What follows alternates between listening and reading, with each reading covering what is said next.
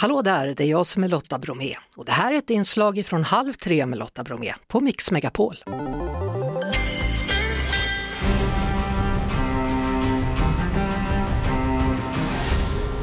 Film och serier.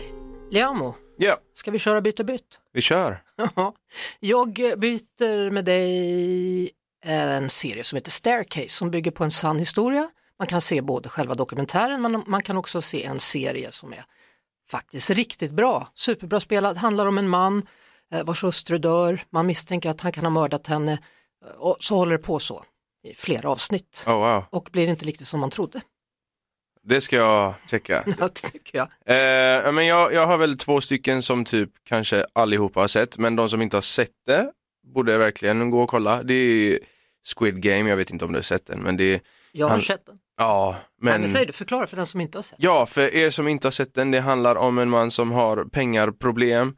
Han försöker vara en bra far, men han har inte så mycket att ge, alltså materiellt liksom.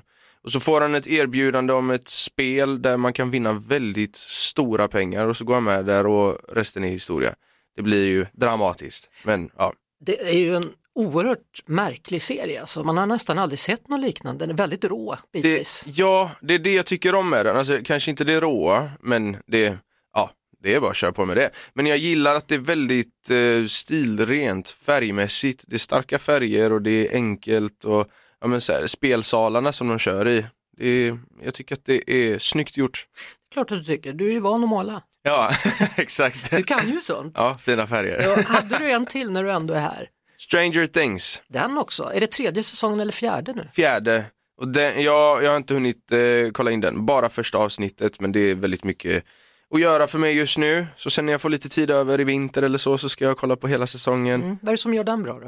Eh, men det är lite, lite retro-vibe på den. Det tycker jag om, vad, vad ska man säga, 80, 80-tals-vibe nästan. Eh, musiken och bilden och kläderna och allt det där. I, I en crossover med, vad ska man säga, sci-fi och det onaturliga. Så är det liksom ett gäng kids som nu är ungdomar som, ja, g- går igenom skumma saker. Ja, det händer övernaturliga grejer där. Övernaturliga För- grejer, Ja. exakt. Och Ja. det, det blir väldigt spännande. Det var det. Vi hörs såklart igen på Mix Megapol varje eftermiddag vid halv tre. Ett poddtips från Podplay. I fallen jag aldrig glömmer djupdyker Hasse Aro i arbetet bakom några av Sveriges mest uppseendeväckande brottsutredningar. Går vi in med hemlig telefonavlyssning och, och då upplever vi att vi får en total förändring av hans beteende. Vad är det som händer nu? Vem är det som läcker? Och så säger han att jag är kriminell, jag har varit kriminell i hela mitt liv men att mörda ett barn, där går min gräns. Nya säsongen av Fallen jag aldrig glömmer på Podplay.